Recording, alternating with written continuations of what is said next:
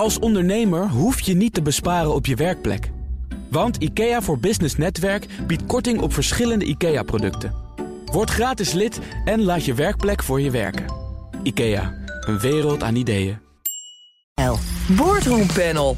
Flitsbezorger uh, Getir wil concurrent flink overnemen. Gaat het ooit nog lukken om echt geld te verdienen in deze tak van sport? En wie wil knap nog overnemen nu de Nederlandse bank heeft ingegrepen? Dat en meer bespreek ik in het Boardroom Panel. En de panelleden van vandaag zijn Lieve de Klerk, directeur van SPI Nederland... en Stefan Pij, directeur en oprichter van de Governance University. Welkom, dames en heren. Dankjewel. Goedemiddag. Laten we maar eens beginnen bij KNAP. Want de online bank KNAP heeft onder druk van de Nederlandse bank... voor miljoenen aan kredieten moeten afstoten. Blijkt uit het jaarverslag van KNAP, waarover het FD publiceerde. De bank was notabene eerder gewaarschuwd door DNB... dat de risicobeheersing niet op orde zou zijn. En Stefan, moet ik dat toch lezen als een doodzonde voor een bank? Risicobeheersing niet op orde? Groei Ja. en winst zijn dan belangrijker dan de risico's goed in kaart brengen? Ja, zeker wel een grote zonde. Ja, want eh, ze hebben daar natuurlijk al een paar jaar doodzonde, wil ik niet zeggen. Dat gaat de toekomst uitwijzen. Maar het is in ieder geval een grote zonde. Want ze zijn al een paar jaar daarop aan het duwen. En dat krijgen ze gewoon niet voor elkaar. En eh, Knap die eh, zit ook wel heel erg klem tussen alle belangen.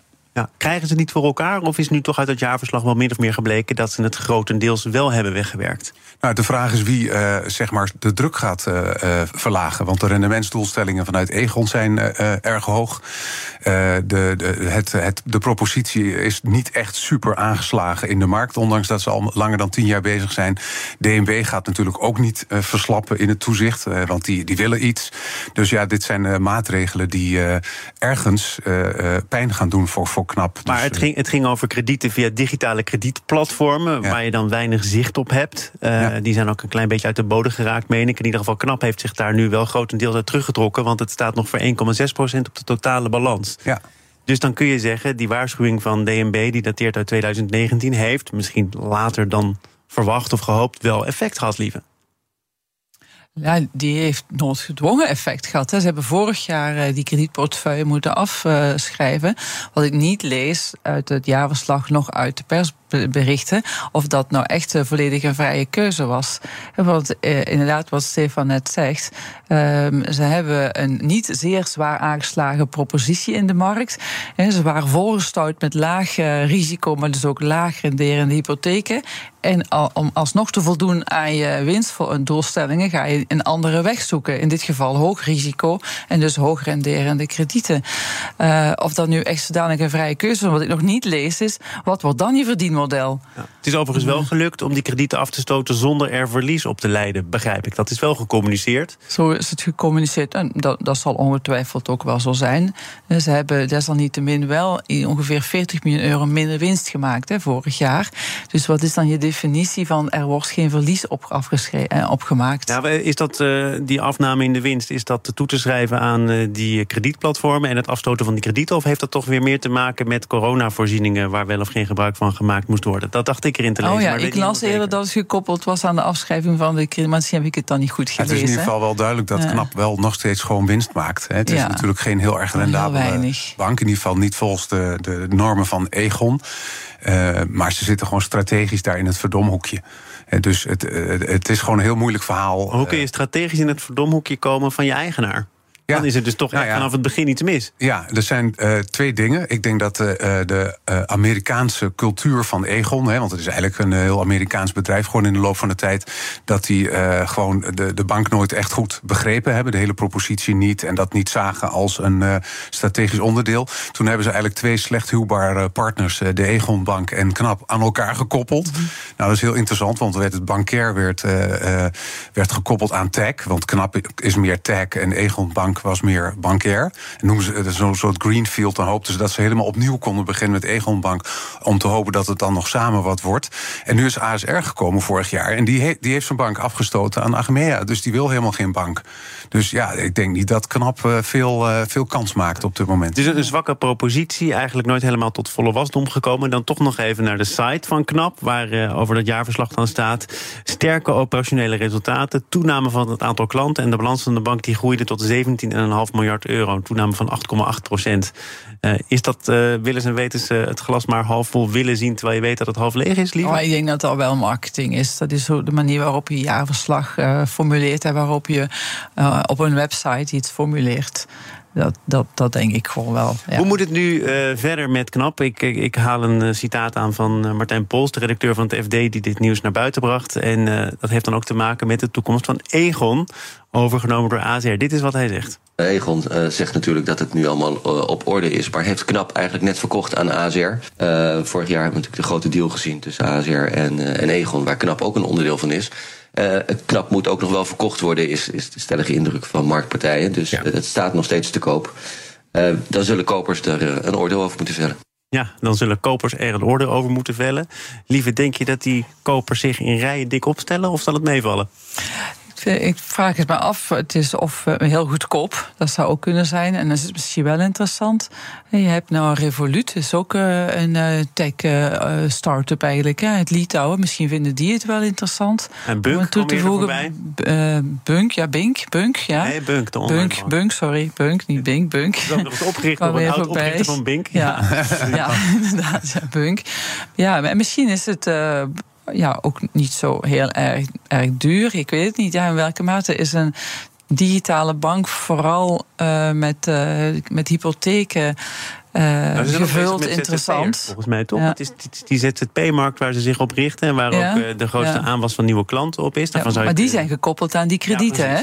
Dus, dus wat, wat ik nu niet weet is in welke mate ze die klantengroep nog steeds dan bedienen. Want die hypotheekportefeuille die ze van de Egon hebben gekregen, dat is consumenten. Dus wat is nou overgebleven nog van de kleine ondernemer en de ZZP'er in het portefeuille? Ja, het is duidelijk dat uh, KNAP wel altijd een beetje apart is gehouden, waardoor het ook te, te vervreemden is. Dus dat zal ook wel om een reden zijn geweest. Misschien niet alleen maar de eigen wijsheid van de op, oprichter die uh, na vijf jaar het veld moest ruimen, wat natuurlijk ook wel heel, heel uh, jammer was. Uh, dus uh, ik, ik, ik heb het idee dat een financiële partij ook niet slecht zou zijn. Normaal ben ik altijd voor strategische partijen die overnemen. Dus ik zou Bunk wel mooi vinden. Uh, Revolut misschien ook. Ik kan dat niet goed beoordelen. Maar ik denk dat in dit geval een private equity partij ook niet slecht zou zijn. Omdat ze echt fundamenteel hun strategie zullen moeten gaan herzien. En hun operations en het bankaire stuk moeten toevoegen. Dus er moet zoveel gebeuren. Dat, dat ik me afvraag of een bank dat niet te veel vanuit een verkeerd referentiekader gaat doen. We gaan naar een uh, ander thema. Moest ook veel gebeuren, maar er is nu ook veel gebeurd. BNR Nieuwsradio. Zaken doen. Thomas van Zeil. Stefan Pij en Lieve de Klerk zijn de leden van het boardroompanel. En het mocht wat legenschappen kosten. Maar Albert Heijn en de vakbonden gaan na een elf dagen durende staking van medewerkers uit het distributiecentrum weer met elkaar om de tafel. Supermarktketen is bereid de lonen met 10% te verhogen. En uh, verslechterde arbeidsvoorwaarden die werden voorgesteld te schrappen. Had iemand uh, van jullie hier aan tafel gedacht dat het uh, toch nog zover mocht komen, Stefan? Ik niet. Ik, uh, ik had uh, niet gedacht dat ze. Uh, ik, Albert Heijn heeft altijd, of Ahold heeft altijd veel moeten toegeven aan vakbonden. Hè, de vakbonden die laten zien dat ze nog absoluut een sterke rol vervullen in, in onze maatschappij. Dus ze staan enorm op de kaart. Is het nu een formaliteit dat er een definitieve CAO ligt? 10% erbij, verslechterde arbeidsvoorwaarden uit de voorstellen geschrapt. Maandag verder overleggen, maandagavond nieuws naar buiten. Partijen hebben elkaar gevonden? Ja, ik denk dat de business nu verder kan. En Albert Heijn heeft natuurlijk een uh, Ahold als geheel een supersterke propositie. Dus ik denk niet dat er veel blijvende schade is van de lege schappen die wat we net uh, met elkaar voorbespraken, ook misschien niet heel erg uh, dramatisch zijn geworden. Wordt dat hier betwist, liever, dat die schappen leeg waren? nou, ik zei, het zal waarschijnlijk wel met een korrels uit mogen genomen worden, want dan hebben we gewoon iets minder keuze, een zakje chips of zak of potjes bonen of whatever. Maar, uh, ja, jij hebt betwist. Die, die, die, schokkende beelden gezien van het bijna lege nee, supermarkt, of niet? Nee, nee, maar ik vroeg aan mijn man vanochtend van, heb je er iets van gemerkt bij de Albertijn? En hij zei van, nee, koop gewoon dan iets anders. Dus het is wat meer de pragmatische manier van Albert Heijn merkt nu wel iets van de aanwezigheid van die vakbonden. Moeten eigenlijk op alle vlakken toch die vakbond tegemoet komen met 10% meer loon. En dus ook uh, regels over uh, vervroegd uittreden, uh, zondagtoeslagen laten gelden voor nieuw personeel. Tegen de zin van Albert Heijn. Verbazingwekkend dat FNV en ook CNV aan het langste eind trekken? Uh, verbazingwekkend niet. Wel spijtig, vind ik. Spijtig? Nou ja, omdat uh, uh, men argumenteert dan van... ja, maar dan moet de toekomstige generatie betalen... voor het inleveren van deze arbeidsvoorwaarden. Maar je moet je wel echt afvragen of in deze huidige 24-7-economie... daar überhaupt nog uh, uh, iets is wat je extra voor moet vergoeden. Dat, dat er zijn, is gewoon een hele grote groep die misschien heel graag op zondag werkt. En dat heeft niks te maken met de toekomstige generatie. Dus ik, ik vind het eerder dan een gemiste kans. Ja, je krijgt natuurlijk dan wel twee regimes van nieuwe medewerkers voor wie het één geldt en de oude medewerkers voor wie het andere. Ja, maar er zijn zoveel bedrijven waar meerdere regimes gelden. Dat is prima in te regelen. Um, en dat hoort dan bij de tijd vernieuwen. Als je dat als argument zou gebruiken, kan je nooit iets vernieuwen in een onderneming. Ik zal het nooit meer zeggen. Nee. Ja. ja. en ik zal blijven zeggen dat het uh, er wel je, bij hoort.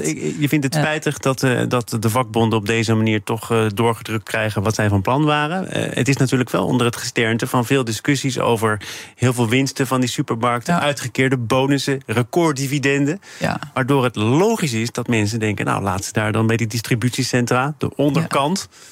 Ook wat meer krijgen. Maar daar ben ik het mee eens. Het gaat me niet om die loonsverhoging, maar meer om die andere arbeidsvoorwaarden waarvan ik van sprak. En uh, ik, ik, begrijp overigens heel goed dat sentiment. Uh, en en in die zin ja, komt boontje om zijn loontje. Dat is misschien een beetje te, te naïef, maar het is wel waar van wat had je nou in de afgelopen twee jaar mogen doorrekenen naar de, naar de consument uh, en ben je daarin te ver gegaan. Uh, en komt dus nu vervolgens dan die loonsverhoging uh, keihard op je af, waardoor je nu waarschijnlijk weer zou moeten zeggen van ja, we moeten nu weer de prijzen verhogen. Of is dat dan misschien toch het moment aange, aangekomen te zeggen van ik ga de prijzen dus relatief minder verhogen. Ja. Want, want, anders praten we elkaar die loonspiraal aan. Uh, maar alle bedrijven in die keten doen daar dus zelf aan mee. Even. Ja, ik vind het deels spijtig, uh, niet helemaal spijtig.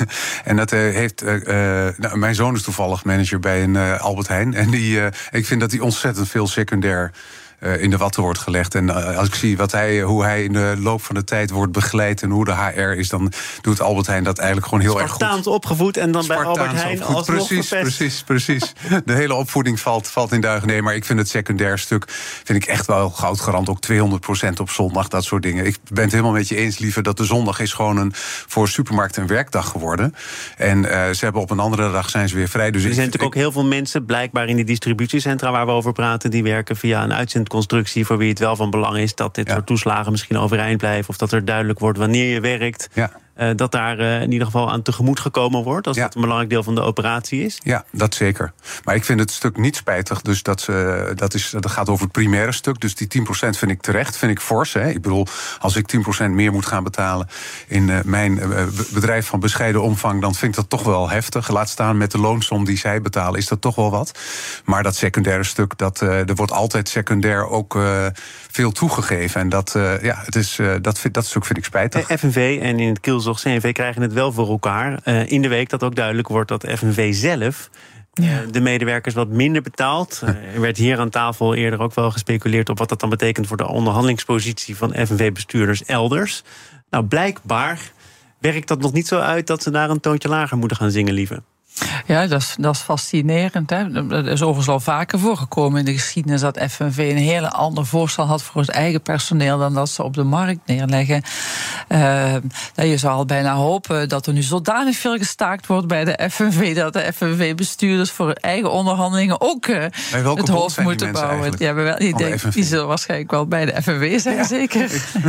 Aparte bond voor, ja, voor FNV-personeel. Uh, FNV of voor personeel van, van organisaties. Ja. Uh, Wat betekent dit ja, op de lange termijn, uh, denk jij, voor, voor Albert Heijn? Ik begrijp dat Spie ook wel eens uh, vestigingen onder handen moet nemen... die er dan weer beter uit moeten komen te zien. Maar dat mag allemaal niet te lang duren, want voor je het weet... Ja, wij nemen regelmatig ook Albert Heijns on, onder handen. Dan hebben wij eigenlijk een volledige renovatie van Albert Heijn. En streef is toch al streeft altijd om dat het minder dan acht dagen te kunnen doen. Omdat blijkbaar schijnt dat als de consument langer dan acht dagen bij een concurrent supermarkt moet werken, dat hij dan wendt aan die andere supermarkt en de kans groter is dat hij niet meer terugkomt. Wat betekent dit voor de Albert Heijn? Uh, ja, ik heb eigenlijk nog niet gelezen of Albert Heijn nu heel veel klanten verloren is. Ze zijn wel open gebleven. Hè? Um, ik denk dat dat wel meevalt. Meestal valt het wel mee. Ja. Nou, jij weet ja. uit eerste hand misschien ja. uh, hoe nou, groot het verloop was. Dat sowieso. En ik moet ook zeggen, ik ben in het begin, uh, toen uh, mijn zoon is 21 en die, die weet dan al zoveel over omzetcijfers en zo, dat je echt schrikt wat dat allemaal omzet. En, en gewoon een lokale vestiging en dergelijke. Dus het gaat wel altijd meteen om heel veel geld. Ook al is het maar één vestiging die wordt omgebouwd of wat ook. Maar het is, de, de, de, de, propositie van Albert Heijn is gewoon zo onderscheidend van Jumbo. Oh, dat is toch grootste concurrent. Het is gewoon echt, ik vind het een totaal andere winkelbeleving.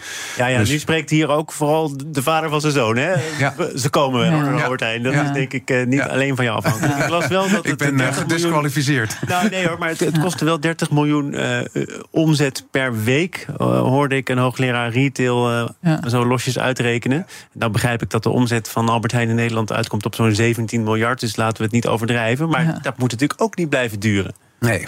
nee, dus er zit sowieso druk achter. Maar, Maar dat had het, zo, had het sowieso niet. Hè. Wat ik me wel nog interessant vind in dit, eh, in dit verhaal...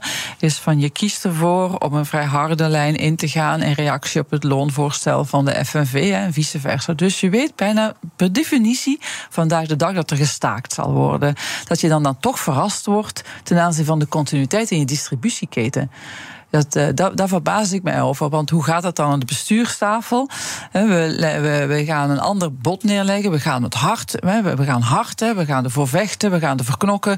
We worden compleet onvergeblazen door de stakingen. Kan je dat strategisch denk dat- ondervangen, denk je? Ik denk dat je daar toch wel over had kunnen nadenken. Want je weet bijna per definitie dat er gestaakt zal worden. Eh, in, zeker in het gremium van vandaag. waar heel vaak gegrepen wordt naar het middel staken. En je weet ook dat je daar serieus door zal geïmpacteerd worden. Geprobeerd om uitzendkrachten op te trommelen. Meer dan nu het geval was. Eh, maar Ja. is dat ook niet voldoende gelukt? Omdat veel uitzendkrachten zich solidair verklaarden met de stakers. Ja, maar dan heb je dan toch strategisch, tactisch het niet voldoende voorbereid. Dan heb je scenario's. Wat gebeurt er dan? Oh, we gaan staken. Hoe lang kunnen we het uithouden? Wat voor rug- rechte rug houden we? Hoe lang zijn we dat bereid te doen? Wat, dus not, want weet je, wat ook nog zoiets, we praten nu over het concurrentieel speelveld. Maar het concurrentieel speelveld moet ook met argusogen kijken naar wat er met Albert Heijn gebeurt. Misschien hadden ze nog wel slim eraan gedaan om Albert Heijn te helpen. Om, om even de rug langer recht te houden. Ja, misschien kan dat niet, dat weet ik allemaal niet. nog eens, eh, Nee, maar misschien kan het niet. Nee, maar misschien kan het niet, maar, maar adverteren. ja, ik niet, ik niet, want je krijgt de boemerang zelf weer terug. Want dezelfde CEO-afspraak gaat zo meteen ook voor jou gelden. Ja. Dus had nou eens een keer verder nagedacht en gedacht van. eh, en, en daarnaast is nog zoiets. Dus kennelijk is men dus in die keten zo. Eh, afhankelijk van distributiecentra. eh, dat het ook misschien wel een gelegenheid was geweest om weer eens opnieuw over andere vormen van innovatie te denken in zo'n keten. Nou, ik weet het niet, de ik ben geen retail-expert. we Maar, gaan eh, even verder innoveren in de keten. Hoewel de innovatie lijkt ze langste tijd alweer gehad te hebben voor veel partijen. Namelijk flitsbezorging. Getir zou plannen hebben om de concurrent flink over te nemen. Berichten van de Financial Times. En als die overname doorgaat, wordt Getir in één klap de enige flitsbezorger in grote delen van Europa. Nadat het vorig jaar al Gorillas overnam voor 1,2 miljard dollar. Ja, je kunt zeggen, Getir, je krijgt het dan allemaal. Maar wat krijg je precies? Ja, ja. Oh, en voordat jij er antwoord op kunt geven, gaan we naar Den Haag, waar eh, premier Rutte president Zelensky heeft ontvangen. En zij praten nu de pers bij. and your delegation. Welcome to the Netherlands. Welcome to my hometown, The Hague. And let me say, it is a truly a special moment for us all uh, to have you in our midst. Prime Minister, dear Alexander, uh, welcome to you as well. Your presence here today is proof that Belgium and the Netherlands stand shoulder to shoulder with Ukraine, as friends, but also as allies. Volodymyr, it has been now 434 days since you spoke a few simple words that resonated all over the world. And I say what you were saying then. We are all here defending our independence, our country, and it will stay this way. That's what you said. And it would be an understatement to say that you've kept your word. The resolve and courage of the brave soldiers and citizens of Ukraine is without precedent in our lifetime. And you yourself have become a symbol of what a country and its people can do when they are fighting for their existence, their freedom, and their future. And we all admire you for that. When I had the privilege to address the members of the Rada almost a year ago, I said, We will stay with you every inch of the way. And let me assure you, Volodymyr, that we too are determined to keep our word. Because this is an unjust war against everything we stand for. This is a war against freedom, democracy, and the rule of law in our part of the world. That's why we stand with the Ukrainian people and why you can count on our unwavering support. Russia cannot win this war, and it must be held accountable for all the crimes of aggression and the injustice it is inflicting on the people of Ukraine day after day in this horrific war. So, what better place to meet than here in The Hague, the legal capital of the world? Ever since the downing of flight MH17, we in the Netherlands have known that justice doesn't come automatically. You have to have staying power. The Netherlands will do everything it can to ensure that justice is done for Ukraine, however long it takes, and however difficult it may be. Volodymyr, as you know, your visit to the Netherlands couldn't have come at a more symbolic moment. Every year, on the 4th of May, we remember the Dutch victims of the Second World War and all the soldiers who have given their lives since then for peace and freedom worldwide.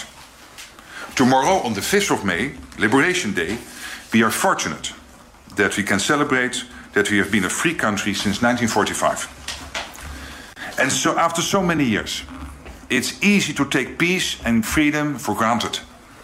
But every day, the brutal Russian aggression against Ukraine reminds us that the rule of law is not a given. It needs protecting when threatened and defending when attacked.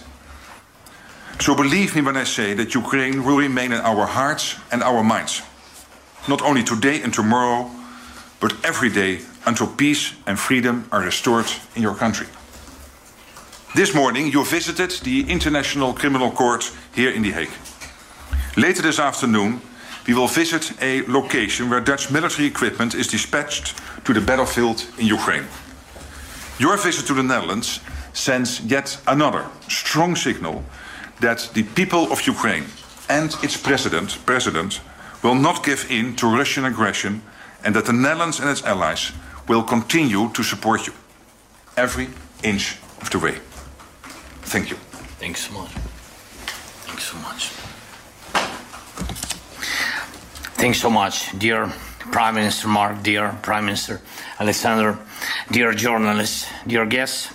First of all, I want to thank you for invitation, Mark, to visit the Netherlands on this very special day, when the memory of all those whose lives were claimed by wars is commemorated, and my appreciation big honor for me to be here. This is a special invitation and special special honor. Uh, we share the pain of these losses and must put an end to any aggression. And we're meeting here uh, in the Hague to bring peace closer and to restore justice. What we need we need justice. And I'm grateful to you, Mark, again, and to and to the Kingdom of the Netherlands for your powerful and timely support uh, of our defense. Uh, the Patriot and other weapons that the Netherlands provided us have already saved thousands, thousands of Ukrainian lives. Thank you. I'm grateful uh, to you, Alexander, and uh, to the Kingdom of Belgium for the solidarity in defense of our common values, which makes Europe a Europe. And uh, thank you for your support of sanctions against Russia and aid packages for our country and people. Today we focused mainly on security issues. The most important thing now is uh, to deliver what, what was promised to our soldiers as quickly as, as, possible. And I have called on our partners, both the Netherlands and Belgium, to help us to help us implement the agreements on military assistance as quickly as possible. Very important is that we are working uh, to create a coalition of armed vehicles to complement the existing coalition of tanks.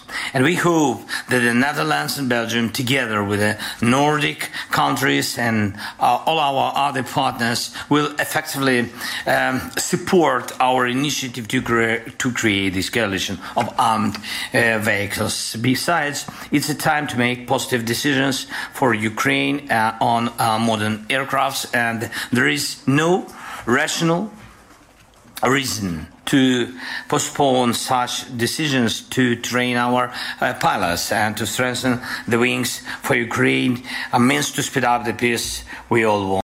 Een kleine update maakt een wereld van verschil. Daarom biedt IKEA voor Business Netwerk gratis snelle interieurtips en ideeën. Word gratis lid en laat je werkplek voor je werken. IKEA, een wereld aan ideeën.